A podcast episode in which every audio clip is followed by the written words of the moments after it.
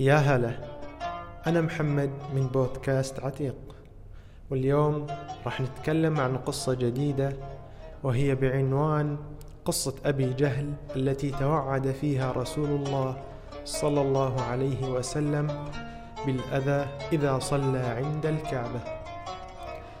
طبعا بدأت القصة عندما كان الرسول محمد يريد أن يصلي عند الكعبة. فقال له أبو جهل يا محمد إذا سجدت عند الكعبة فسوف أدوس على رأسك.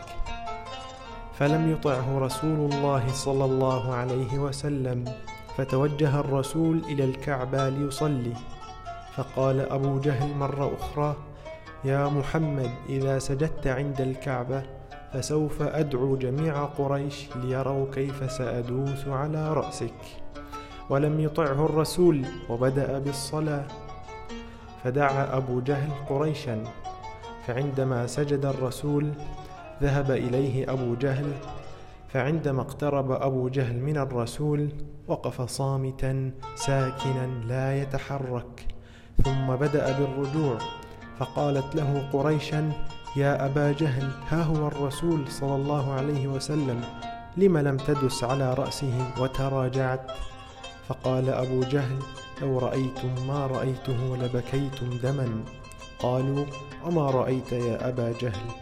قال إن بيني وبينه خندقا من نار وهولا وأجنحة. قال الرسول محمد صلى الله عليه وسلم لو دنا مني أبا جهل لاختطفته الملائكة عضوا عضوا. فأنزل الله عز وجل كلا الإنسان ليطغى. أن رآه استغنى. إن إلى ربك الرجعى. أرأيت الذي ينهى عبدا إذا صلى؟ أرأيت إن كان على الهدى؟ بالتقوى. أرأيت إن كذب وتولى؟ ألم يعلم بأن الله يرى؟ كلا لئن لم ينته لنسفعا بالناصية. ناصية كاذبة خاطئة.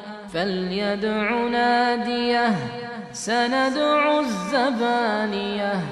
كلا لا تطعه واسجد واقترب.